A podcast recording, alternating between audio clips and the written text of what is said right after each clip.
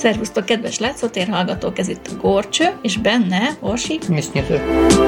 És uh, ahogy ígértük, kicsit messzebbről fogjuk kezdeni a Városháza Park pályázat tervezési projektünket, amit így a, én most egy új munkahelyen dolgozom, tavaly novembertől, így öten pályáztunk ezzel kapcsolatosan öten tájépítészek, ez a tájépítés csoport, ez a Viköti Kft-n belül van, tehát ez a vízügyi és környezet tervezési eh, mérnökiroda.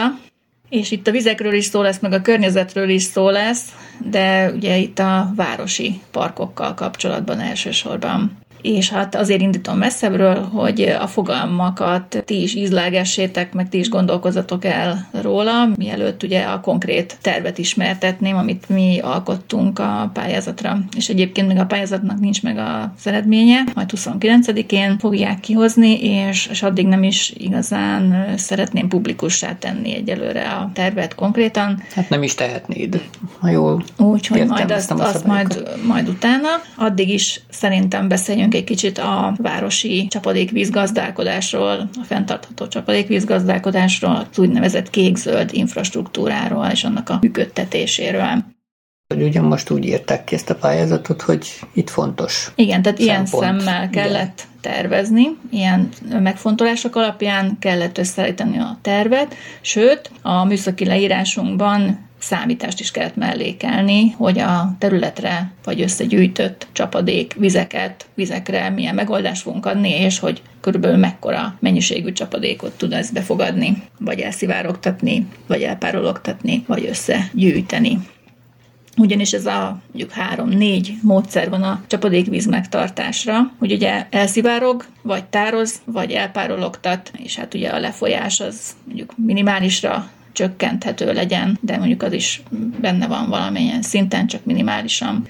No, de egy kicsit messzebbről indítanánk ezt is, mert megnéztünk közben mi is egy-két videót, ugyanis én is tanulom ezt az egészet, mint építész, mert ugye már Nyugat-Európában vannak komoly modellek, sőt, hát Dánia... Megvalósult projektek is. Igen, Dániába, Kopenhágába főleg, de egész Dániára nézve van már egy nagyon kidolgozott terv, vagy akcióterv erre vonatkozóan, ugyanis ők 2025-re teljesen karbonsemlegessé akarják tenni az országukat. Tehát most ettől mi nagyon messze vagyunk, mi jó, ha 2050-re meg tudjuk ezt valósítani, tehát nekünk reális cél mondjuk ez lenne. Tehát egy 20-25 évvel biztos, hogy le vagyunk maradva tőlük szemléletben, és, és úgy egyébként is. Ez az előadó, akitől most így gondolatokat fogok, vagy hát nem tudom, nem gondolatokat, hanem a hát ismeretek, ismereteket átadni nektek, és ugye én is mondom, ezt még tanulom. Ő, Csizmadia Dóra, és Hamburgba dolgozik, Dryzite nevű cégnél. Jó, tehát a, az ő, ő tartott előadásokat már Magyarországon is több ízben, és a YouTube-on is előkereshetők ezek. Tehát a fenntartható vízgazdálkodás lehetőségei városainkban volt az egyik előadása, és hát ezekből ilyen érdekes gondolatokat fogok így megosztani, illetve hát a saját gondolatainkat ezzel kapcsolatban, hogy beszélgessünk egy picit róla mi a mi felelősségünk, mint emberek a környezetünkkel kapcsolatban, akár legyen ez városi vagy, vagy természeti környezet. Tehát itt vetített egy olyan szlájdot a Dóra, amiben például megmutatta, hogy Mauritius szigetén, mondjuk az 1600-as évek végén még, még 99%-ban erdő vagy növényzet borította a szigetet, de mára hát igazán megfordult ez az arány, igen, tehát megfordult az arány, tehát ugye 95%-a ki van írtva a természetes növényzetnek. És hogy ez, ez hogy történhetett meg így egy, egy, egy, egy 400 év alatt, nem egész 400 év, hát, inkább 300 év alatt. Az alkotója volt volt az ébenfa, ami az egyik legnépszerűbb bútor meg egyéb alapanyag volt évszázadokon keresztül Európában. Igen, és hogyha egy csodálatos ébenfa bútort nézünk, akkor ugye láthatjuk, hogy ez milyen szép alkotás, meg hasznos is akár, de hát ugye ennek milyen ára volt. Tehát most is amilyen az életmódunk, hogy egy luxus cikkek, meg, meg egy nagyon kényelmes környezet vesz minket körül, de ennek van egy ára, tehát hogy ezzel is tisztában kell lenni. És érdemes lenne újra gondolni egy csomó mindent, a gazdaságunkat, az egész életmódunkat és új utakat keresni, és utána, hogyha mi rátaláltunk egy megoldásra, akkor ezt széles körben el kéne tudni terjeszteni, hogy ugye ne csak helyileg, lokálisan legyen ez megvalósítható, hanem, hanem legyen belőle egy nagyobb kiterjedésű globális megoldás, hiszen a problémánk is globális. a globális felmelegedés többek közt, ami most mindenhol lehet róla hallani, de hogy ez egy valós dolog, és nem egy távoli, hanem már benne élünk, és igazából hogy majdnem, hogy késő már bármit is elkezdeni, de muszáj. Dóra osztotta meg ezt is, hogy 2050-re a világ népességének a kétharmada városokban fog élni. Például. Tehát van egy ilyen adat, vagy egy ilyen jóslás egy ilyen szimuláció. Tehát ez egy ilyen durva dolog, és hát mi is észrevesszük itt, nem, hogy a városok, Magyarország nagy része is városokban tömörülő lakosságot nézzük. Ha vízgazdálkodást nézem, akkor Magyarország ugye hagyományosan egy gazdag ország. De hát ez most már nem látszik. Tehát, hogyha elmész vidékre, nem látod a vizet, halastavakat látsz, meg esetleg folyómedreket, de ilyen mindenhol ilyen szabályozott vizeket, patakokat, és egy sokszor kibetonozott mederben. És ez a meanderező, kacskaringos vonalvezetésű vízfolyás, ez már szinte sehol nem látható. Maximum egy erdei pataknál esetleg még.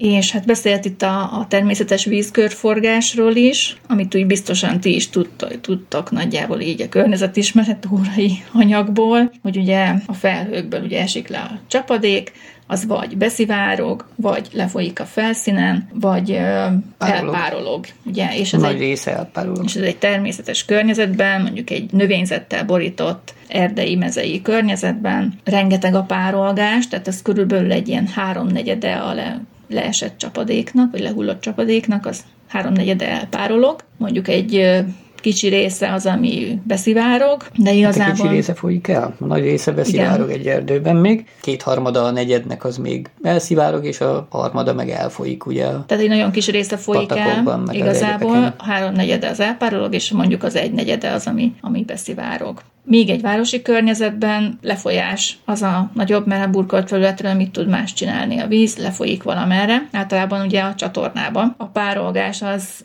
gyakorlatilag ilyen egyharmadnyi, mondjuk, Hát igen, mert gyorsabban elfolyik a víz a csatornák mélyére, mint hogy el tudjon párologni, mert nem tud megállni hosszabb időre igen. sehol. És akkor a beszivárgás az maximum a zöld felületeken lehetséges valamilyen szinten tehát a lefolyás adja a szinten háromnegyedét. Igen, és hát minél nagyobbak a városok, mert egyre többen települnek be, ahogy az előbb említetted is, ez annál inkább égető probléma lesz, hogy a föld felületek nagy részt beépített olyan csapadékvízre vezető környezetté válik.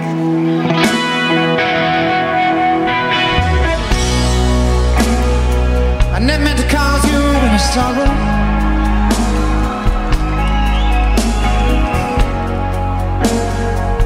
never meant to cause you any pain.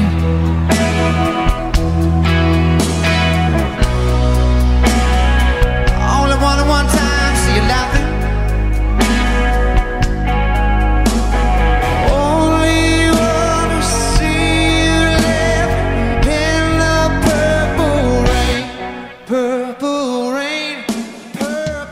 És hát milyen a csatorna hálózat is Budapesten, ugye most Budapestet nézve. Száz éves. Mondjuk kezdjük ezzel.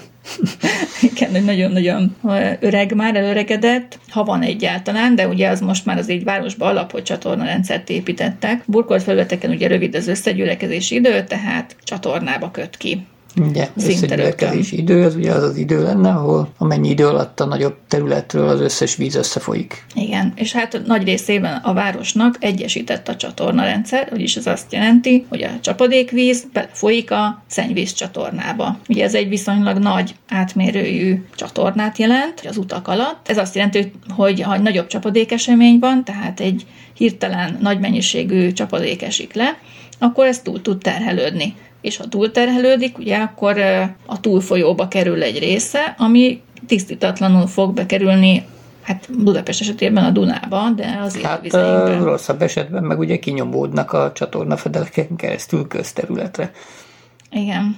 És éppen ezért ilyenkor ugye kimoshat szennyező anyagokat is a városba. Igen, mert ugye van az elválasztott rendszer, ez a kisebbik, kisebb nagyságú területen, van mondjuk a kertvárosokban, vagy ezt már ugye a később beépült részeken, inkább így mondom. Igen, ahol kiépítették, ahol már ezt kiépítették, akkor ugye külön folyik a csapadékvízcsatorna, de ez se jobb, mert nagyon sok ember ráköti a saját telkéről lefolyó vizeket ebbe a csapadékvízzel vezető csatornába, illegális módon, mert ugye elvileg telken belül kellene ezt megoldania, hogy hova vezeti a vizeit és mit csinál vele, de hát ugye nekik ez egyszerűbb, és így is túl tud terhelődni, mert ez meg egy viszonylag kisebb keresztmetszetű csatorna, hiszen nem szennyvízre, nem szilárd dolgokra tervezték, hanem csak csapadékvízre, és az is túl tud terhelődni ilyenkor, és ugyanúgy bekerül a szennyvíz csatornába végeredményben. És hát ugye vannak a felszíni árkok, amik nincsenek feltérképezve igazából Budapesten, de ezek, még hogyha meg is vannak, és nem betonoznák ki őket, amit meg szoktak ugye csinálni, vagy betemetik őket, mert ugye autóbeállókat csinálnak, parkolókat csinálnak rajtuk, hiszen látják, hogy ugye nagy részében az évnek nincsen szükség igazából ezekre az árkokra, amikor viszont szükség van, akkor viszont nagyon az lenne. Szóval betemetik, lebetonozzák, vagy kibetonozzák a medrét, és ez azt jelenti, hogy tulajdonképpen nem képeznek rendszert, és nincsen kapcsolatuk a talajjal, hogy oda elszivárogtassanak.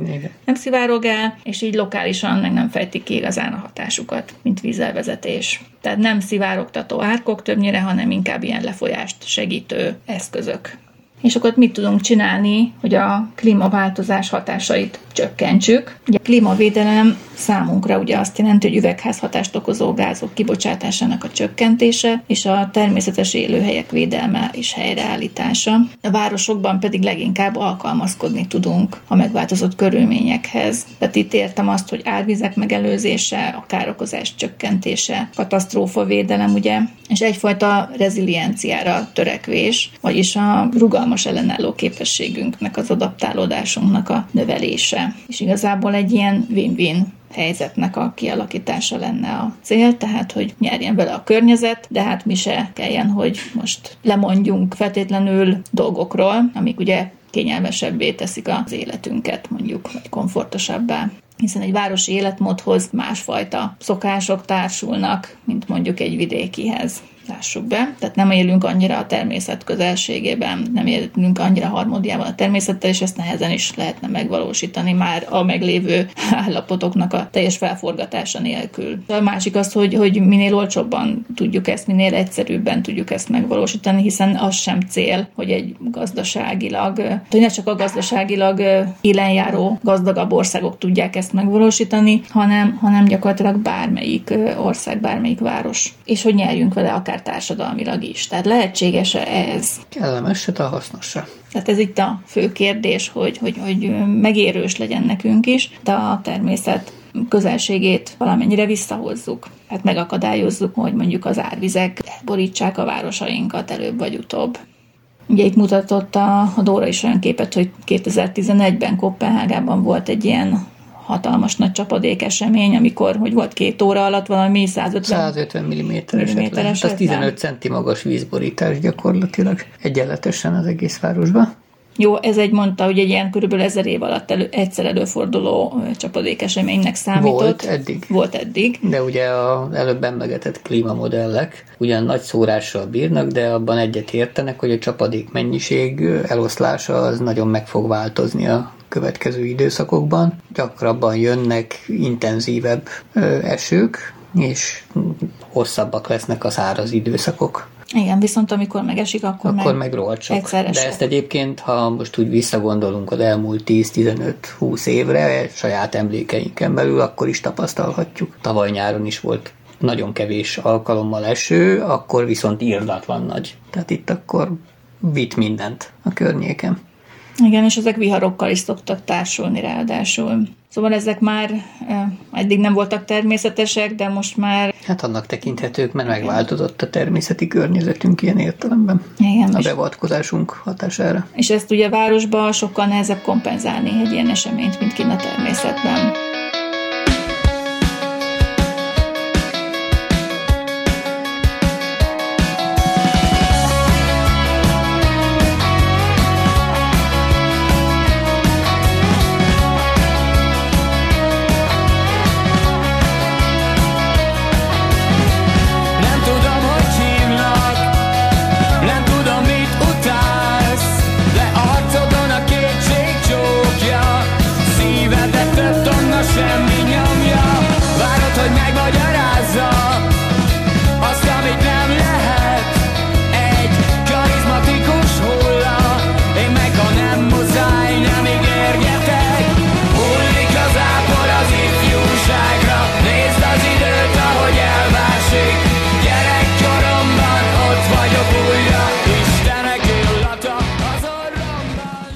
Tehát a cél az a természetes vízkörforgásnak valamilyen módon a helyreállítása lenne, amennyire csak tudjuk, nyilván tökéletesen nem fog menni, de ehhez zöld felületekre, növényzetre van szükségünk, amely ugye szikkasztó hatású, mint az imént is említettem, hogy egy természetes növényzettel borított környezetben mennyivel több a párologtatás és a, a szikkasztás, a beszivárgás. És ugye itt ne felejtsük el azt se, hogy a párologtatás az ugye mit csinál, ez egy iskolai fizikában is sokszor emlegetett dolog, az bizony hőt von el, tehát hűti a környezetét. A városokban pedig ugye pont a klímaváltozás miatt egyre durvábbak a forróságok és a melegek, a sok aszfaltborítás meg egyéb miatt. Bizony. Tehát, hogyha ezek a vizek ott helyben megállva, elöntve ezeket a parkos területeket akár, ott egy részben elszikadnak, részben meg elpárolognak, akkor ez jelentősen hűti is a városnak a levegőjét. Sőt, ezt már ugye számolni is tudják, hogy mekkora vízmennyiség, elpárologtatása, mekkora Hőmennyiséget, Hőmennyiséget. használ fel. Igen, igen. Hát ez sima fizika megint. Így van. Tehát mi a cél, hogy növeljük a beszivárgást, ugye az el- elszikkasztást, hogy nőjön a párologtatásunk is, hiszen a párologtatás nagy része ugye a növényfelületeken keresztül fog tudni párologtatni leginkább, de akár a burkolatokról is. Tehát ennek is meg kell találni a módját, hogy hogyan, hiszen egy összegyűlt vízfelületről is mondjuk el tud párologni nagy mennyiségű víz tavakról, vízfolyásokról, akár a pocsolyákból is. Csak ugye a pocsolyák látványához nem vagyunk hozzászokva, illetve hozzá, most már hozzá vagyunk szokva, csak nem szeretjük azt a látványt nézni. Hát mert társulnak hozzá elég erős sztereotípiák. Tehát igazából itt egy kis szemléletváltásra is szükség van ilyen téren, hogy a vizeket ne csak a mederbe terelve szeressük látni, hanem akár egy ilyen Hát egy park közepén, hogy megáll a fák között a víz, az mondjuk nem ördögtől való történet. Tehát Mert egy ott akkor lesz ideje elpárologni, meg lehűl, meg leszivárogni a talajba. Mindezt nem azt jelenti, hogy akkor ott hetekig fog állni a víz, és posvány lesz, és szúnyoginvázió, meg minden egyéb, amit ehhez ugye hozzátársítana az egyszeri ember, hiszen ezek csak ilyen nagyon rövid időszakra történő vízborítások. Bizony. Szóval a vízgazdálkodásunkat át kell alakítani, summa summarum, és ez a fenntartható csapadékvízkezelés. Tulajdonképpen ezt hívjuk annak. Az első kérdés ilyenkor, hogy a csapadékvíz milyen felületre jut, és a második, hogy elég tiszta-e ahhoz, hogy érdemes legyen elszikkasztani hiszen mondjuk ugye egy, tudom, egy nagy parkoló felületről, ahol az autók állnak meg, összegyűlt vizeket, nem biztos, hogy vissza akarjuk vezetni egy természetes vízfolyásba, sőt, hát inkább nem javallott, hogy visszavezessük. Tehát, hogyha ez egy zöld felületre jut, akkor minden további nélkül ugye megszűrődik, és akkor vissza le, visszakerülhet a víz körforgásba, vagy mondjuk egy kavics felületről is akár, mert az is Hát megszűri. mert ezt is lehet úgy kiépíteni, hogy akár több lépcsőbe egymás, tehát a víz áramlását úgy megtervezni, hogy mire onnan kiút a víz nagy része, addigra megtisztul és hasznosul Igen. természetes úton, módon. Meg hát nagyon függ a talajminőségtől is, hiszen egy agyagos kötött talajról el fog inkább folyni. Ott a talajment alatti vízfolyások fognak bele köpni a levesbe. és még a talajvíznek a magasságától is fog függni, hiszen ha magas a talajvíz, akkor ugye nem nagyon szikkaszthatjuk el a felszíni vizeket. Tehát, hogy ezektől mind nagyon függ az, hogy hogyan kell terveznünk egy ilyen csapadékvízkezelést, egy ilyen rendszert. De a párolgást is lehet célzottan növelni például, tehát hogyha nem tudunk elszikkasztani, akkor egy közvetett módon, vagy közvetlenül a párolgást is. Hát ugye az, hogy például kiengedjük a füves nagyobb területekre, kicsit behorpasztott részére egy parknak, és ott az semmi gondot nem fog okozni. Ha még ez se fér el, akkor még mindig lehet tárolókba is tározni azt a vizet. Csak a legvégső esetben eresszük be a száz éves öreg csatornarendszerbe. Na de miért is baj az, ha beengeded a csatornarendszerbe? Hát mert annak a átmérője az véges, tehát nem tudjuk megnövelni.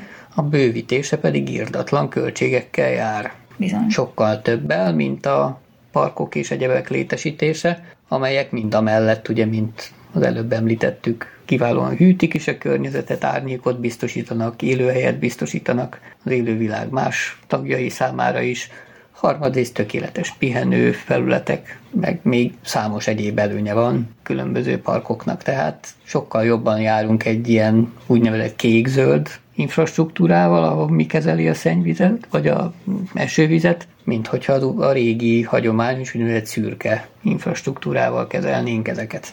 Bizony, és ezeket ugye össze is lehet kötni, ezeket az elemeket, tehát a tározót, a szikkasztót, a különböző zöld felületeket, amik párologtatnak, ezeket rendszerbe is eh, lehet itt tervezni előre. Hát a helyi adottságoknak megfelelően kell kitalálni, hogy hol mi működik jobban. Tehát akkor milyen eszközeink vannak a csapadékvíz helyben tartására, hiszen az lenne a cél, hogy, hogy lokálisan oldjuk meg ezeket a dolgokat, ugye ne vezetődjenek be a csatornába, ezért ott helyben kell velük kezdeni valamit a felszíni vizekkel. Tehát ilyen, ilyen eszköz például lehet egy zöldtető is akár az épületek tetején, az is meg tud tartani rengeteg csapadékvizet, sőt most már vannak olyan drén lemezek, amik ilyen meanderező, ilyen kacskaringozó, ilyen labirintus-szerű Tároló van az alján Igen. gyakorlatilag, egy kis víztározó, Igen. és ez ugye arra jó, hogy ha ritkán esik az eső, akkor megtartja egy picit a vízmennyiség egy részét, amit a növények onnan föl tudnak venni a Igen. száraz időszakban is. Vagy ebbe a kis labirintusszerű nyomott anyagba, például ugye sokkal tovább folyik a víz, és aközben is párolog, és visszaadja a növények számára is Föl tudják venni, a, igen. a vizet, igen. Tehát, hogy, hogy az is egy megoldás, hogy, hogy ha nem tudjuk elvezetni, hogy a lefolyást késleltessük. Tehát az is egy eszköz, a, lefolyás késleltetése. És erre is megvannak most már az ilyen direkt erre kitalált, célzottan kitalált eszközeink. Akkor lehet ugye az zöldtetőt már említettem, akkor függőlegesen ugye a zöld fal, az is ugye épületeket be lehet futtatni növényekkel. És ugye föntről lefelé csorgatni benne a esővizet, és minden szinten fölveszik a növények a maguk. lehet. Igen, ilyen zsebes rendszerrel is, amik ilyen kis panelek, amikbe lehet ültetni a növényeket, és akkor itt vizet folyatni végig rajtuk vagy bevezetni a csapadék csepegtető csöveket, de a legjobb itt Magyarországon a, a direkten a talajjal érintkező, tehát a földbe gyökeresztetett növényekkel, akik gyökérkapcsolattal rendelkeznek, mert hát Szingapurban működik a, az akármilyen hidropóniás, nem tudom én milyen növényültetés, de nálunk azért ez nem, nem igazán a mi éghajlatunkra van kitalálva. Akkor milyen eszköz van még a szikkasztóárak, amit már említettünk, ami gyakorlatilag vonalas jellegű mélyedés. Igen. És régen mindenhol árkolták az utcákat. De ez ugye városi környezetben jellemzően tényleg beszokták temetni, itt Kispesten is nálunk annak idején nagy vízelvezető árok volt az utca mindkét oldalán. Téglával volt kirakva egyébként, ugyanezzel a fehér mézhomok téglával, azokat az emberek először behordták. Aztán amikor behordták, akkor ugye elkezdte a víz bemosni a földet az árokba, egyre laposabb lett az árok, végül sok felé csak betemették és ráparkoltak az autóval. Vagy mondjuk kiáratot csinálnak a főút felé, de átereszt azt ugye nem raknak be a ároknak a folytonosságát meghagyva, hanem telibe betonozzák az egészet. Sajnos a mi házunk előtt is így van. Hát most néhány évvel ezelőtt felújították itt a árkokat, és ilyen gyeprácskővel rakták ki az oldalát. Ez mondjuk egy olyan köztes megoldásnak úgy, ahogy elmegy. És hogyha túl sok víz gyűlne össze egy ilyen szikasztóárokba, akkor ezt még mindig bele lehet vezetni egy tározóba például. És a tározóból ugye visszanyerni akár öntöző vízre, akár egy mondjuk szürke vízként bevezetni mondjuk WC leöblítésre Hát a mondjuk házakba. ilyen köz, köz WC-knél is, egyebeknél is elhasználhatnák ezeket egy városi környezetben. De belegondolunk, hogy hány liter egy ilyen Hát WC egy jó tartály 10 litert szoktak kiengedni egy, egy-egy nagyobb- lehúzáskor. És azért hányszor használjuk a WC-t naponta, ki lehet számolni, hogy egy hónapban, egy évben hány köbméter, köbméter vizet el, csak erre az egy... Ivóvizet igen, teszem azt. Igen, ivó, ivóvíz szintű tisztított vizet használunk erre. Hát Szóval csak persze ez ugye úgy kell vezetékezni, hogy ne keveredjen a szürke víz meg a, az ivóvíz, és erre az épületeink nincsenek felkészítve. Igen. Hát szikasztásra jók egyébként még ezek a vízelteresztő burkolatok is. Most adott esetben egy térkő is jobb, mint a sima beton, meg a sima aszfalt, mert ugye ennek vannak fugái, amik homokkal, meg kavicsal vannak kifugázva. És hát vízátteresztő valamilyen Jobban, szintig. jobban el tud szikadni, és nyilván minél nagyobb a fuga, a rés a, az e- elemek között, annál inkább vízelteresztő lesz. Sőt, most már vannak ugye ilyen stabilizált kavics burkolatok is, amikről beszéltünk itt ugye a kastélypark felújítással mm. kapcsolatban is. Azok teljes felületükön át tudják engedni a vizet. Igen, ha vizes állapotban megy rá mondjuk egy teherautó, akkor nyomvájús lesz egy kicsit, de ez helyrehozható. De amúgy meg, meg ha gyalogos felületként ezek tökéletesen jól funkcionálnak, hiszen nem kapnak akkora terhelést, hogy, Persze. hogy azok tönkre mennének ettől, még vizes állapotban sem. És hát vannak a, a drénárkok, amik ugye alul mondjuk egy ilyen legalább 30 centi vastagságú kavicsot, ilyen úgynevezett kulékavicsot kapnak, ilyen nagyobb szeműt, és akkor arra lehet még akár növényzetet is telepíteni, de megállhat rajta a víz is, tehát ez a, igazából az esőkerteknek is a lényege, Ugye az esőkert az nem más, mint egy ilyen szikasztó árok, amiben növények is vannak telepítve, olyan növények, amik bírják az időszakosan vízelöntést, és bírják azt is, hogy ha amikor ki van száradva, akkor meg ugye... Hát az igen tágtűrés határú igen. Tehát vannak növények. bőséggel egyébként olyan növényeink, amik ezt mind a két végletet akár bírják rövid ideig, nyilván nem hosszasan. Csak meg kell figyelni, hogy ezek általában a, a természetből. A tópartokon szoktak nőni, ahol, hol, hol elöntik, hol szárazon vannak. Meg erre sincs igazából recept, mert minden egyes tájegységnek más a kicsit klimatikus viszonya, és más a természetes növényzete, tehát meg kell figyelni azt, hogy mi az, ami ott legjobban bírja, és igen, egy kicsit kísérletezés az egész dolog, de hát ez benne a szép. Tehát itt nem, nincs konkrét recept esőkertekre, hanem, hanem igazából egy, egy kísérletezés, hogy mi marad meg hosszabb távon.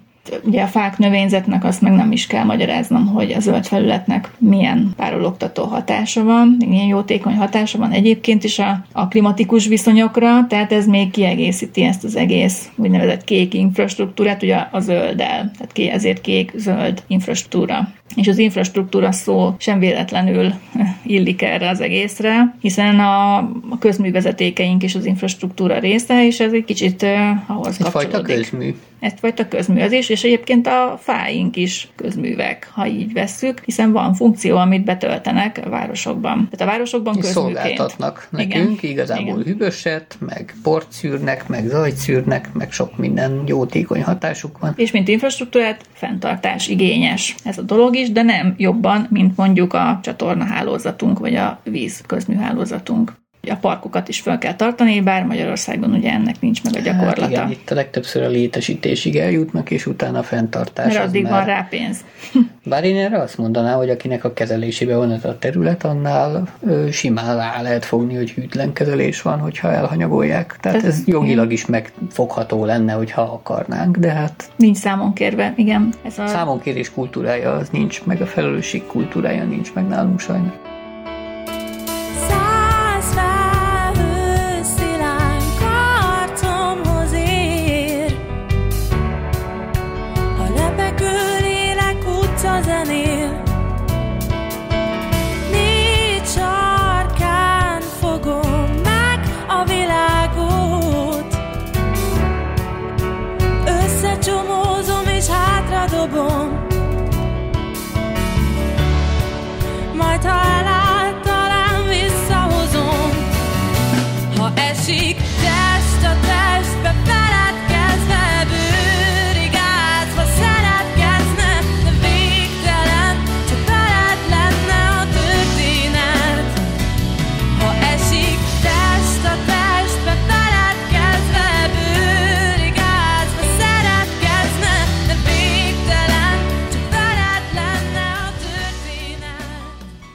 A fő elvek ilyenkor azok lennének, hogy ugye a keretkezés helyén kezeljük a csapadékvizeket, és ott használjuk fel, és lehetőleg ott tartsuk minél tovább, de nem úgy, hogy túlterhelődjön. Tehát ez pont azért van, hogy ne terhelődjön túl a csatornarendszer, és hogy minél inkább a klímát javítsa, de az nem cél nyilván, hogy mondjuk szúnyogkeltetőt létesítsünk. Tehát, hogy egy-két nap alatt el kellene szivárogni ezeknek a vizeknek, ez lenne a fő irányelv. És hát az, hogy a csapadékoknak a lefolyási csúcsát minél inkább elnyújtsuk. És nem utolsó szempont az, hogy hálózatba, rendszerbe kössük ezeket az infrastruktúra elemeket, és így megnöveljük a hatékonyságukat.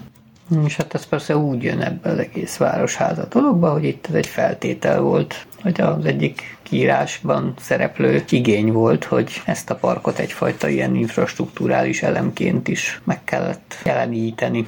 Igen, mert ugye a fővárosnak van egy ilyen irányelve, amit nem régiben kezdett el kidolgozni, ilyen zöld infrastruktúra célkitűzések, vagy egy ilyen komplexebb gondolkodás az egész városra nézve, akár Kopenhága mintájára, de már több nyugat-európai város mintájára is akár. Tehát itt a vízfolyásoktól a zöldföldeti rendszerekig minden van benne, és ki is adott a főváros ilyen úgynevezett zöld infrastruktúra füzeteket, amik ingyenes kiadványok egyébként, tehát beszerezhetők nyomtatottan is, és föl is töltött tették őket az internetre, tehát PDF-ben is meg lehet őket találni, letölteni, elolvasni. Nagyon hasznos egyébként, tehát pont ez ilyen tájékoztatásra és ismeretterjesztésre szánták, de akár tervezőknek ilyen segédletként is tele van ábrával és Hát tekintve, hogy első körben most még a tervezőknél kéne bejutni a fejekbe, hogy egyáltalán a szempontok érvényesüljenek a későbbiekben. Igen, tehát ez a stratégia, amit kidolgozott a főváros, ez ennek az egyik célja, hogy, hogy a tervezőket megtanítsák, informálják erről, és ezek az előadások se véletlenül vannak. És nagyon jó, hogy vannak ilyen emberek már, akik akár magyarul is elő tudnak adni tervezőknek. Úgyhogy én is ilyen online meghallgattam, és mondom, YouTube-on is föl van töltve egy-két ilyen előadás, akár angolul, akár németül, magyarul, meg lehet hallgatni és informálódni. Rengeteg anyag van már róla, csak hát ugye mégsem ivódott ez még így be, vagy nem szivárgott be. Nem szivárgott be a tudatunkba, igen, hanem csak tudatunkba. elpárolgott. Igen. Hogy elment a csatornába. Hát meg a, a tettekre váltás az még megint egy másik dolog, hogy meghallgatjuk, megértjük, mm-hmm. az, magunkévá tesszük a dolgot, ez oké, okay. tervezünk is, csak, csak a döntéshozókat mm-hmm. kellene meggyőzni. Igen. Hát kicsibe azért mindenki elkezdheti. Például ugye mi félig meddig ösztönösen, de a saját kis kertünkben azért gondolkoztunk abban, hogy mit csinálunk a vizekkel, és hova vezetjük meg, mint, meg merre szikkasztjuk el őket. Tehát erre azért úgy gondoltunk. Igen, hát én is most ilyen szemmel kezdem el nézni a projektjeimet, és hát ilyenkor sajnálja az ember, hogy, hogy a korábbiaknál nem ezek mentén, az elvek mentén, mert ugye mit csinálunk, hát mi maximum vízelvezető rendszerben gondolkodunk, és akkor szikasztó drén sávokat hozunk létre az épületek mellett, akkor valahol összegyűjtjük egy-két ilyen úgynevezett drénkútban a vizeket, és akkor a drénkútból meg jobbára ugye kivezetjük az utca felé a burkolt földeket is úgy csináljuk meg, hogy, hogy minimális lejtéssel, de az épületektől ugye elfele, és nem feltétlenül mindig a zöld felület fele, hanem, hanem snúr egyenest a Meg akkor már másnak felé. a dolga eltüntetni a vizet. Igen. Ez az egyszerűbb megoldás. Közterületre ki, és akkor majd ott valami történik vele. Hát arra már gondoskodik a csatornahálózat. Ugye ez a hagyományos gondolkodás, a szürke infrastruktúra. Igen. Ha ezt úgy gondolnád, hogy kék-zöldes stílusban, akkor az utcán levő fasor, vagy valami hasonló felépítésű elem fogadná először ezeket a kiáramló vizeket, és akkor még ott is megkötődne valamennyire, meg megtisztulna, meg esetleg összegyűlne valami nagyobb közösségi téren egy parkban, vagy tóban, vagy akármiben, és akár nem is kéne a csatornába eljusson. De hát talán egyszer valamikor ebbe az irányba fog fejlődni a gondolkodás.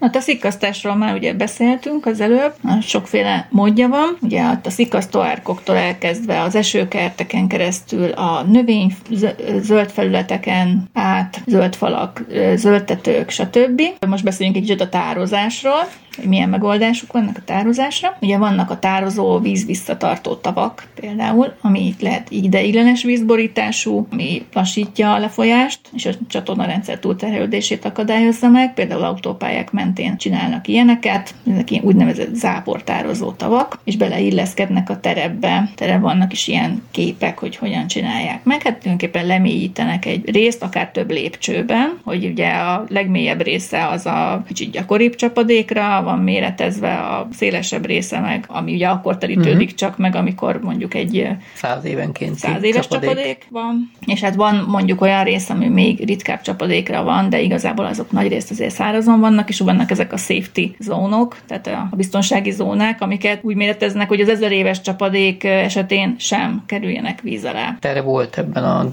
egyik ilyen Dóra féle előadásban jó példa. Ugye a Kopenhágai város, hogy ott olyan szintig lementek ennél a tervezésnél, hogy például megnézték, hogy ott a vízáramlások esetén a biztonságos zónába kell esni a kórházaknak, meg egyéb olyan lakóépületeknek. Eleve azzal számoltak, hogy a átlagos patka magasságnál ne legyen nagyobb vízborítás sehol, tehát hogy a Az a 12 autóutakat árassza el a víz, és ne a járdákat. Tehát Igen, tehát az 12 ami- centit ezt erre határozták meg, Igen. hogy az a kiemelt szegénynek nagyjából a magassága 10 centi, és akkor plusz még kettő, amit így rátettek. Tehát, tehát, hogy a végletekig ki lehet ezt dolgozni és finomítani a, az igények alapján, hogyha megfelelő gondolkodásmóddal állunk Szemléljük. neki. Igen. És hát az is egy elf, hogy a tisztítatlan víz azért ne kerüljön bele az mondjuk egy ilyen közútnak a felületéről a talajvízbe és a patakba. Ezért az áportározókat is arra is mutatott ilyen példát, hogy két részre osztották. Ugye az egyik ilyen ülepítős rész, ahova ugye befolyatják ezeket a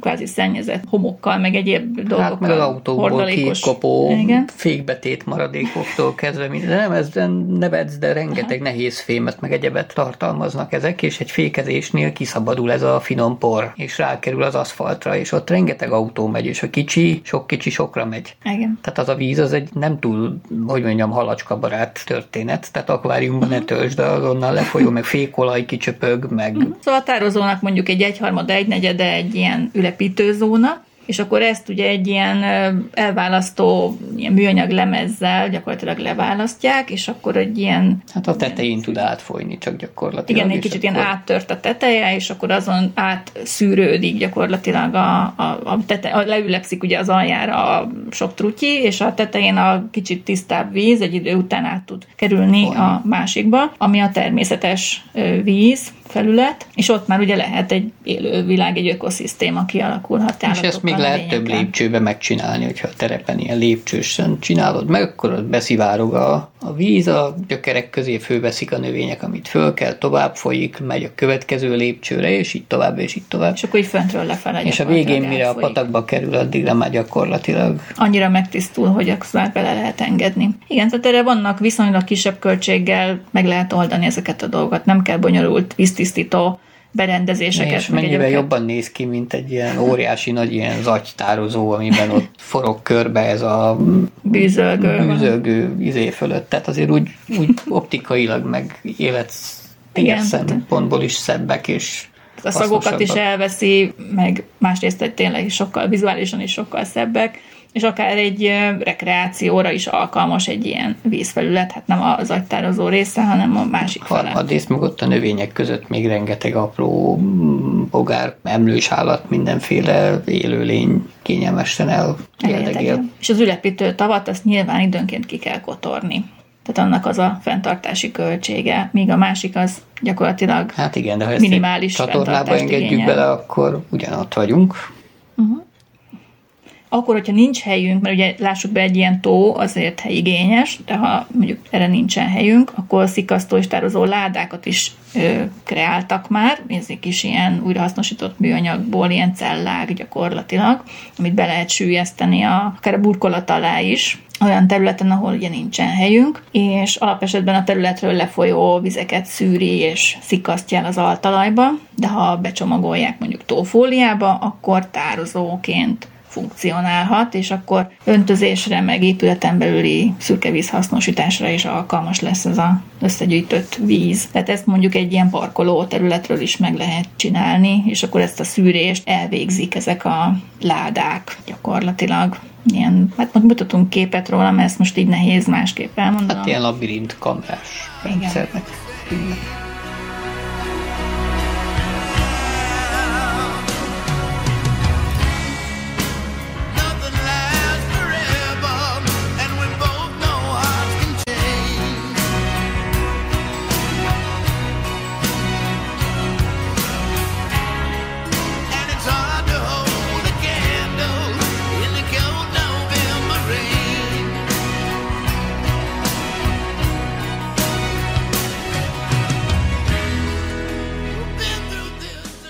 amit már említettünk, hogy ugye ezek multifunkcionális dolgok, tehát egybe víztározók, szikasztók, de egyúttal rekreációs felületek is, és hát nem utolsó sorban biodiverzitást is lehet velük növelni, tehát többféle élőlénynek is életteret adnak. Nem egy ilyen szimpla, egyszerű kis monokultúrás dolgokra alkalmas valami, hanem egy nagyon sokféleség, egy biológiai sokféleség alakulhat ki, többféle élőlény növények, állatok meg tudnak telepedni, nyilván amiknek az igénye megfelel. Tehát ehhez az élőhelyhez tud alkalmazkodni.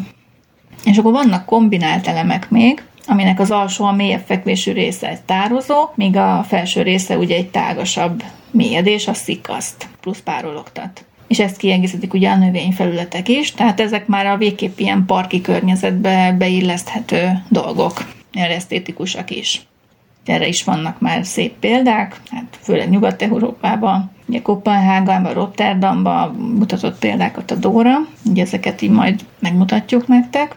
És egy olyan helyen is lehet például egy iskolaudvart mutatott, ahol, ahol nem sok zöld felület van, ugye sportpályák, meg, meg lebe, leburkolt udvar, de hogy a burkoltat is úgy lehet, meg lehet úgy csinálni, hogy a vizet összegyűjtik belőle, és, és a sportpályát is le lehet úgy sűjesztve kialakítani, hogy, hogy az egy víztározóként is funkcionál, ha nagyon sok eső esik. Nyilván ez egy szemlélet. Tehát, hogy mondta, hogy a németek az esőbe is kiengedik a gyereket játszani, és nem tartják benne a lakásban, hogy akkor most rossz idő van, esik az eső. Náluk azért valószínű, többször esik az eső, mint, mint nálunk. És az, az nem, Nagy nem, ország van, ahol többször van, ahol kevesebbszer. és, és az nem, nem állapot, hogy, hogy mondjuk az év nagy részében bent csücsüljön a gyerek. Hát mert... az északi területeken biztos több a csapadék, az északi tenger felüli oldalon.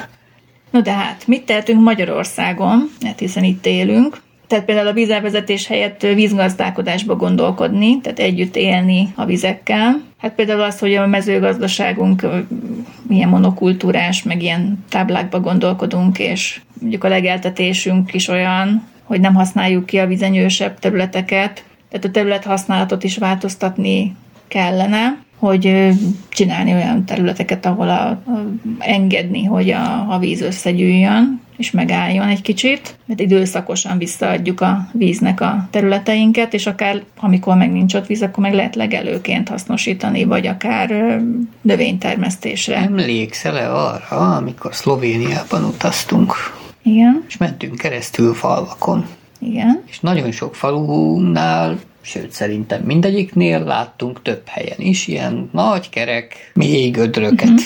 És annak gyanúm szerint ilyen uh-huh. vízgyűjtő, meg tározó uh-huh. területek. Vagy akkor, hogy egy kicsit azért maradjunk az ország határon belül. Őrség. Emlékszel a tóka, Tóka fogalomra, fogalom, ami nem tó, hanem tóka. Igen. Szintén ilyen kis kerek esővízgyűjtő valami, amiben uh-huh. a kacsák ott jól voltak, meg jöttek, mentek, meg volt ilyen öntözővíz, meg minden benne, és szintén esővízgyűjtésre használták. Hát azért ennek van hagyománya úgymond a népi kultúrában. Valószínűleg régen is fontos volt a víz, csak valahogy ezek így így a városiasodás mentén elfelejtődtek, mert hát persze a városi ember nem akar kacsákat feltétlenül a ludvarba, meg nem akar öntözni belőle se, hanem minél több mindent lebetonozni, mert a füvet azt nyírni kell. És ö, én ott is hallottam, hogy ártéri gyümölcsös. Tehát például gyümölcsöst is lehet erre a kicsit magasabb vízállású területre tervezni. Vannak olyan növényfajták, amik bírják. És nem csak a fűszfa, Hát meg a... szerintem a legtöbb fa azért az, Igen. hogyha egy napig vízben áll a törzse, azt a legtöbb fa el szokta viselni. Uh-huh. Szóval van ilyen gazdálkodási mód. Csak meg kell találni, meg kell tanulni, a gazdákat megtanítani, stb. És mutatott a Dóra egy olyan képet is, egyébként ez előkereshető, majd adunk talán linket hozzá, hogy az Európai Unió országaiban a településeknek a zöld felületi aránya milyen, mekkora, és itt többféle kategória van, tehát hogy a kisebb, mint 20%-tól elkezdve a, a nem tudom, én 65 ö, vagy 60 százalék fölötti, van 100, talán egész 100 százalékig volt benne, A beépítettség. Hát a beépítettség és a zöld felület aránya. Tehát, hogy, a, hogy maga a településeinken mennyi a zöld felület aránya, településeken belül. És hát Magyarország ebből az utolsó helyen kullog, nem tudom, mi 30 országból, vagy, vagy 20 van, hány ország van az Unióban, nem tudom, Hát a legvégén 23 vagyunk a dolognak. És igen, tehát ugye a legvégén kullogunk, még Görögország is valamivel jobb helyzetben van. Tehát gyakorlatilag nálunk egy olyan adat van, hogy a városok 65%-án belül kevesebb, mint 20% a zöld felület arány, és a, marad, a városok a har- maradék 35%-ában pedig 20 és 29% közötti, tehát hogy az se sokkal több. Tehát, hogy ez, ez nagyon durva arány, hogy igazából a, a településeink 100%-ában nincs 30% a zöld felület aránya. Tehát nincs olyan településünk, amelyik zöldnek Közben a hanyató nyugaton majdnem mindegyik megüti ezt a mércét. Oké, okay, hát sok skandináv országok, oké, okay, de hát városokról beszélünk, nem a, nem a környezeti, tehát nem Persze, az országos nem szintű zöld felületi arányról beszélünk, hanem egy városon belüliről, tehát ezek mondjuk összehasonlíthatóbbak lennének. Igen, hát az életmód nem nagyon más. Szóval ez nagyon durva, és ezen le, tényleg lehetne mit javítani, meg olyan adatot is tudok, ezt mondjuk nem a Dóra vetítette, hanem, hanem hogy a WHO-nak az ajánlása a városokon belül egy 7 négyzetméter per fő lenne az egészséges, hogy annyi zöld felület jusson egy emberre. Tehát 7 négyzetméter kellene egy jusson egy emberre, hogy egészséges környezetben élhessen. Ez a WHO-nak Tehát az akkor ajánlása. Budapesten belül lenne Nálunk most 5. 140 millió négyzetméter ezt nem tudom, mennyi zöld felület. Nem, most csak úgy hirtelen Ja.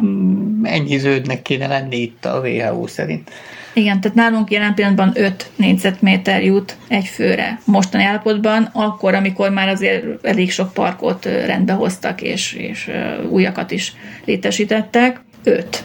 Tehát nekünk most azt hiszem, hogy 2030-ig Budapestnek az a célja, hogy ezt az ötöt fönnevelje hatra, de ez még mindig elmarad ugye az egészségestől, de legalább közelítünk És hozzá. akkor most hadd pedzegessen meg azt, hogy nálunk ugye a zöld felületnek számít, hogyha egy tetőn egy 5 centi földborításba beleültetsz 3 kilóval juhájat. Igen, tehát ez Az nem már zöld ugyanaz. felületnek számít Magyarországon legalábbis, sőt, még a vízborított területeknek a, is beleszámítanak valamilyen százalékban.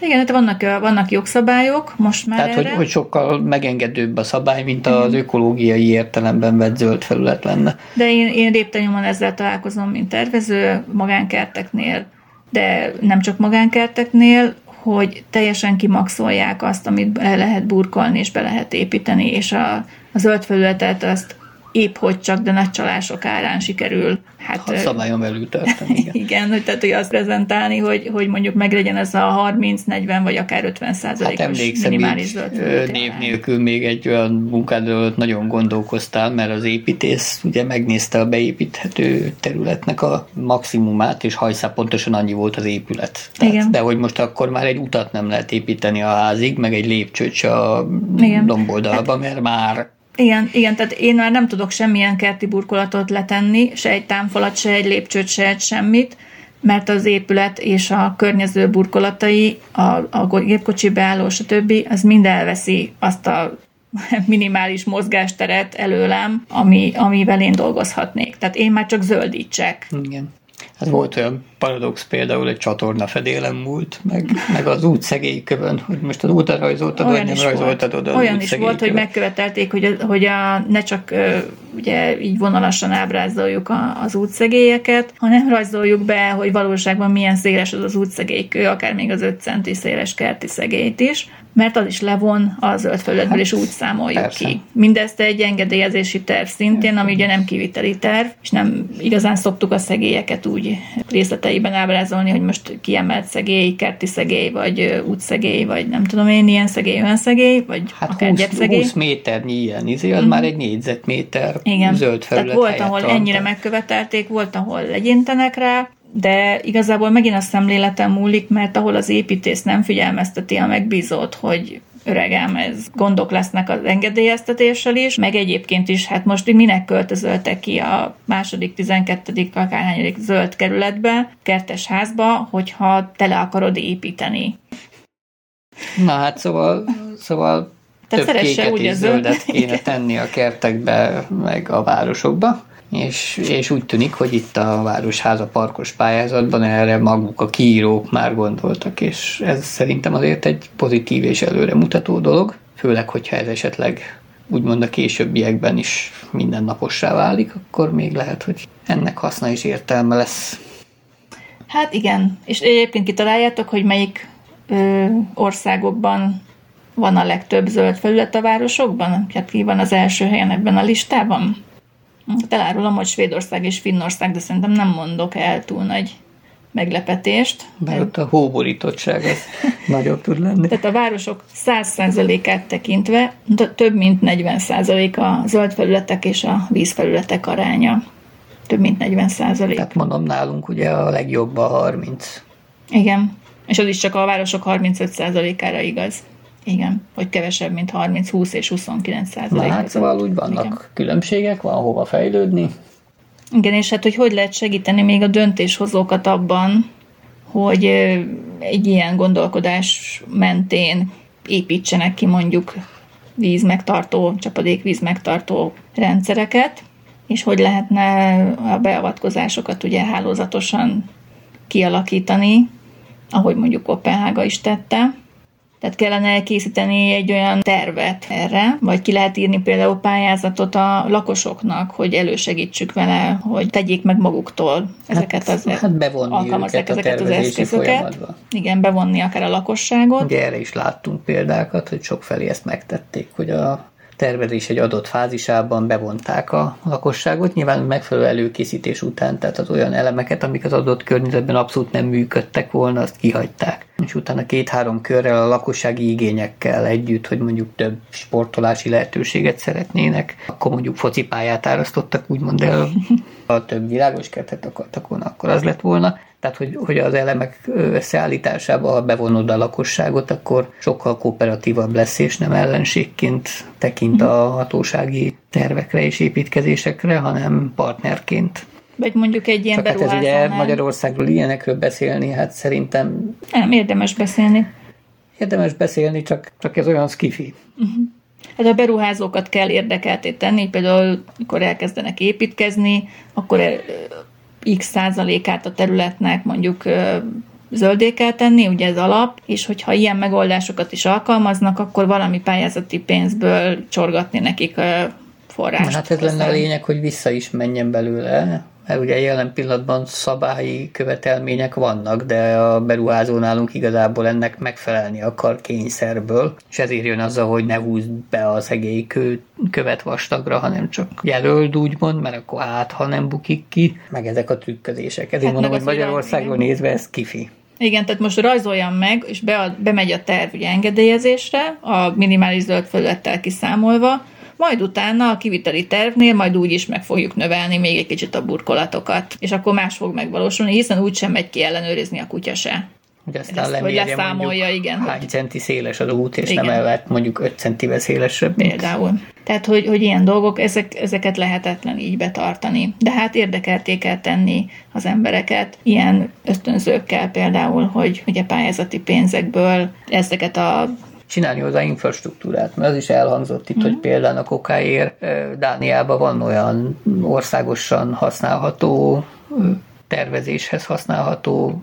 Nyilvántartás, adatbázis, ami gyakorlatilag topológiai adatbázisként dolgozik, tehát amikor valaki tervez valamit, ebbe bele tudja helyezni a maga kis modelljét, és rögtön le tudja modellezni, hogy a vizek merre fognak folyni adott mennyiségű esőnél. A, tehát ilyen háttéradatbázisokat akkor lehet föntartani, hogyha egyszer egyrészt belefetszolik azt az energiát, hogy fölmérik, másrészt meg az összes építési, engedélyezési, meg egyéb eljárásnál, amit beadnak, az valósul meg mert ugyan lehet tartani egy ilyet, de ha ezeknek a frissítésénél mindig elcsúszunk a, a valóságtól, és azért újra meg újra föl kéne mérni, akkor ez nem fenntartható. Ez egy szabályozottan folyamatok vezérelte működő államban ebben mű, tud működni. igen. Én ebben vagyok itt szkeptikus. Hát Mert itt másrészt- mindenki úgy van, hogy ah, majd megoldjuk okosba, majd kicsit mélyebb lett, nem baj, jó van az úgy. Szóval a kék-zöld beruházásoknak a helyszíneiről, ahol érdemes ilyeneket csinálni, vagy leg, legjobban érdemes, hiszen mindenhol érdemes, csak mondjuk a legígéretesebb helyszínek meghatározására, viszont hogyha így készül egy ilyen térkép, és Dóra már csinálta a doktori diszertációjába Budapestre vonatkoztatva Igen, egy lakótelepes felmérést. Igen, konkrétan egy lakótelepre, az azt hiszem az őrmezőire, de, de egész Budapest területére, hát nyilván nincsen mindenhol előzetes adata hozzá, de egy ilyen, ilyen nagyjából azt hozta ki, hogy az elővárosi zóna családi házas övezetében érdemes lenne szikkasztással és tározással is foglalkozni, még az átmeneti zóna lakótelepein és rozsda területein, például itt, ahol mi is lakunk, itt a Hát igen, kis pont a határa igen, igen, a két zónának. tehát, hogy ugye van a Budapest belterülete, és körülött egy ilyen gyár iparterület alakult ki, még ugye a Amikor az még peremvidék 19. volt. század vége, 20. század első felében, az még peremkerületeknek számított, és ott körbeépült Igen. gyakorlatilag, ami most rozsdaövezet, mert tönkrementek ezek Aztán az üzemek. ezeknek kellettek a munkások, és betelepítették a munkásokat a városon kívülre, tehát a rozsdagyűrűn kívül. Mi már egy ilyen Az viszont lakunk. ugye fölnőtt lélekszámba, és gyakorlatilag most meg többen laknak ott kívül, mint bent középen, a rozsda övezet meg elpusztult, gyakorlatilag Mhm. értéktelen. Tehát ami, ami hova szikasztó, tározó zöld felületeket lehetne, nagyobb felületeket létesíteni, azok az a úgynevezett rozsda területek, És ez egy, egy zöld gyűrűt lehetne így csinálni Budapest körül, hiszen ez is valamikor gyűrűszerűen vette körbe a pesti városrészt. Hát Budán ugye ott vannak a hegyek, tehát az ott önmagától ad egy zöld gyűrűt, de itt, itt Pesten ezt a gyűrűt be lehetne zárni gyakorlatilag ilyen zöld felületekkel és ilyen kék-zöld És még infrastruktúrával. bele is esik a Városliget, meg a Népliget. Mint Hát a Népliget, nagyobb. igen. Igen, a Városliget már belülre esik, ezen belülre, de igen, a Népliget az például Jó, egy kéne eleme, nagyobb Csak szerves részévé válhatna. Mhm. Tehát erre is van most már szándék és akarat, nyilván ez hosszú idő lesz még. A belső zóna meg annyira sűrűn van beépítve, ugye a belváros, hogy ott leginkább a tározás és a párologtatás az, ami Igen. szóba hát jöhet. kisebb parkocskák, meg egyebek azért vannak, ahol lehetne még hasznosítani. De hát zöld vizet. falak, meg zöld tetők, azok ott is, zöld udvarok, akár megvalósíthatók Ó, hát mondjuk egy régi, mit tudom én, 19. századi palota tetejét bezöldíteni nem tudod. Hm? Az Tehát a udvarán, palota igen, de zöld homlokzatok azok működnek, olyan tűzfalak vannak, hogy ihaj. Igen. Tehát azok mind befuttathatók lennének akár. Meg hát nem minden foghíba magas szállodaépületet érdemes építeni. Igen. Nem még azért vannak foghíjak bőséggel a Meg városban. hát a másik az, hogy ugye a csatorna rendszerünk is olyan, hogy ilyen sugaras irányba megy a belváros felé, és ugye úgy folyik aztán a Dunába. Hát igen, mert a főgyűjtő csatornák a körút alatt vannak egyébként. Igen, és az lenne a lényeg itt a stratégiában, hogy a város tervezési stratégiánkban hogy ezeket a területeket, amit említettem, ezeket a rozsdaövezeti zónákat, ezt előre foglaljuk le, mondjuk szabályozási tervekbe, rendezési tervekbe, hogy ezek később zöld felületé alakítandó zónák. Tehát nem arra foglaljuk le, hogy majd később beépíthető. Spekulációra mondjuk úgy, hanem Igen, tehát nem, nem beépítésre szánt a területek, hanem ki, igen, zöld felületi, védelmi zóna, pufferzóna, ilyesminek kialakítani, véderdőnek, stb. Tehát, hogy zöld, zöldítésre kialakítandó területeknek előre meghatározni, mert később ez már késő lesz, hogyha ezeket eladták és, és felosztották, felparcellázták, és helyette Hát, majd megkérdezzük, az irodaházak. Szóval az engedélyeket is úgy kellene kiadni, hogy, hogy ezt számon kérni az épít, építőkön vagy építetőkön.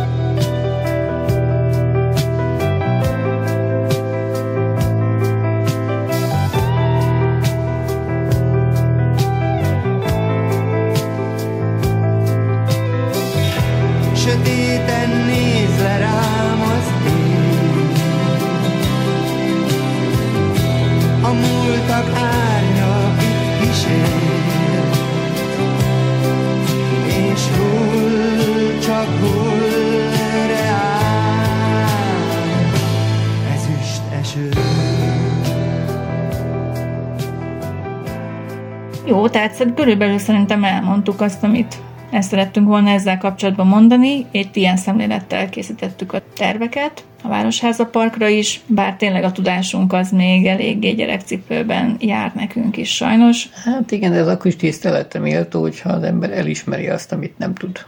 Igen. És azon még sikerül javítani. Tehát mi is bevontunk ott a cégtől ilyen vízépítő mérnököket, de ők is csak lestek, hogy most mit is akarnak itt pontosan a kiírók. Hát először mi is. Itt számolgattunk itt, hogy akkor mennyi víz tudott lejönni a tetőkről, meg egyebekről, és számoltuk, hogyha mennyi idő alatt szívja be a víz, meg mekkora az a esőkert, amit oda rajzoltatok, Igen. akkor az mégis úgy megfelel, vagy nem felel, de valószínűleg nem korrektek a számítások, hiszen a háttérismereteink azért eléggé Tehát ilyen lefolyási mutatók, meg ösztönösek, egyebek alapján. ösztönösen jönnek, és hát nyilván ez egy szakma, meg egy Mhm. bonyolultabb modellezési folyamat. Ehhez megfelelő szaktudás kell, nem ilyen lelkes amatőrködés, most Mhm. ha mondjam így.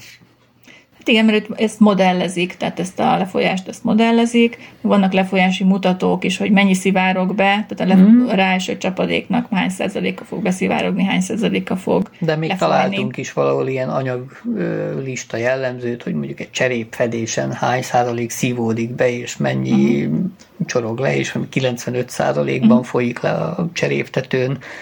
5 százalékot ezek szerint fő tud szívni egy Na cseréptető. szóval így, így lehetett kiszámolni igazából az, hogy mennyi csapadékot kellene eszikasztani, illetve elpárologtatni, vagy megtározni a területen, és minél kevesebbet beengedni a csatornába, és miért végül is kihoztuk arra, hogy nem kell csatornahálózatot terhelnünk ezzel az egésszel, mondjuk egy olyan méretű esőkertet alakítottunk ki, És- 400 köbméter, vagy mennyi volt? 400 köbméter befogadó képességű, amiben ugye mondjuk ez egy nap alatt elszikkasztható mennyiséget számol, számoltunk mi.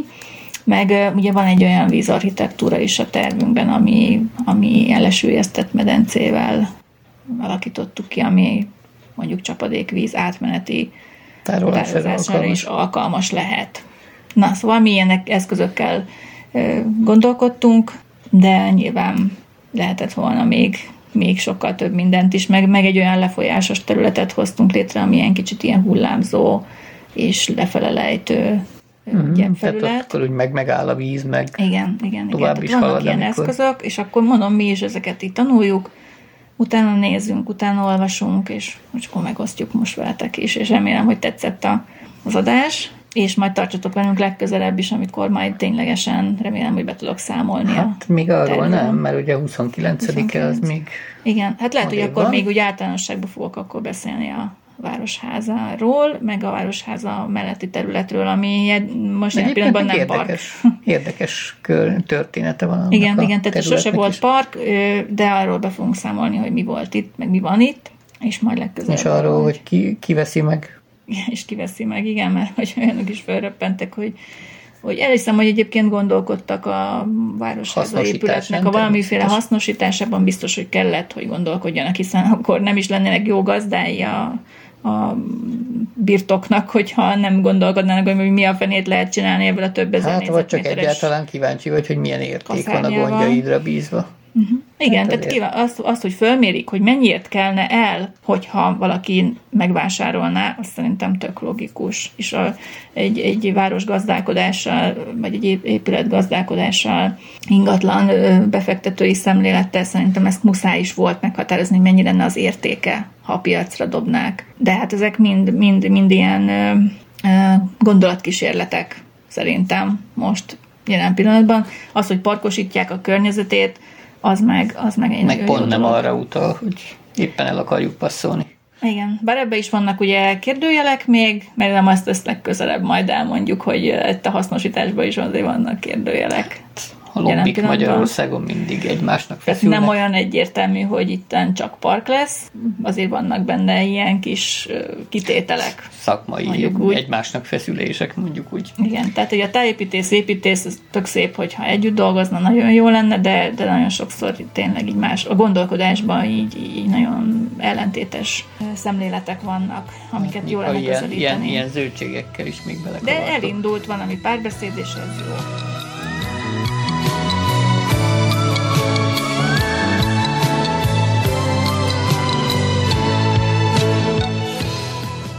Hát akkor kellemes estét, meg alvást kívánunk nektek, pihentető patakcsobogás mellett, vagy valami hasonló. Egy tó, kellemes tópart. Szerintem az most ilyen megnyugtató vízfelület. mindenképpen szerintem a víznek a, a látványa az akár mozog, akár áll, az mindenképpen szerintem egy a dinamikájától függetlenül nagyon megnyugtató. Úgyhogy szép estét nektek, sziasztok! Sziasztok!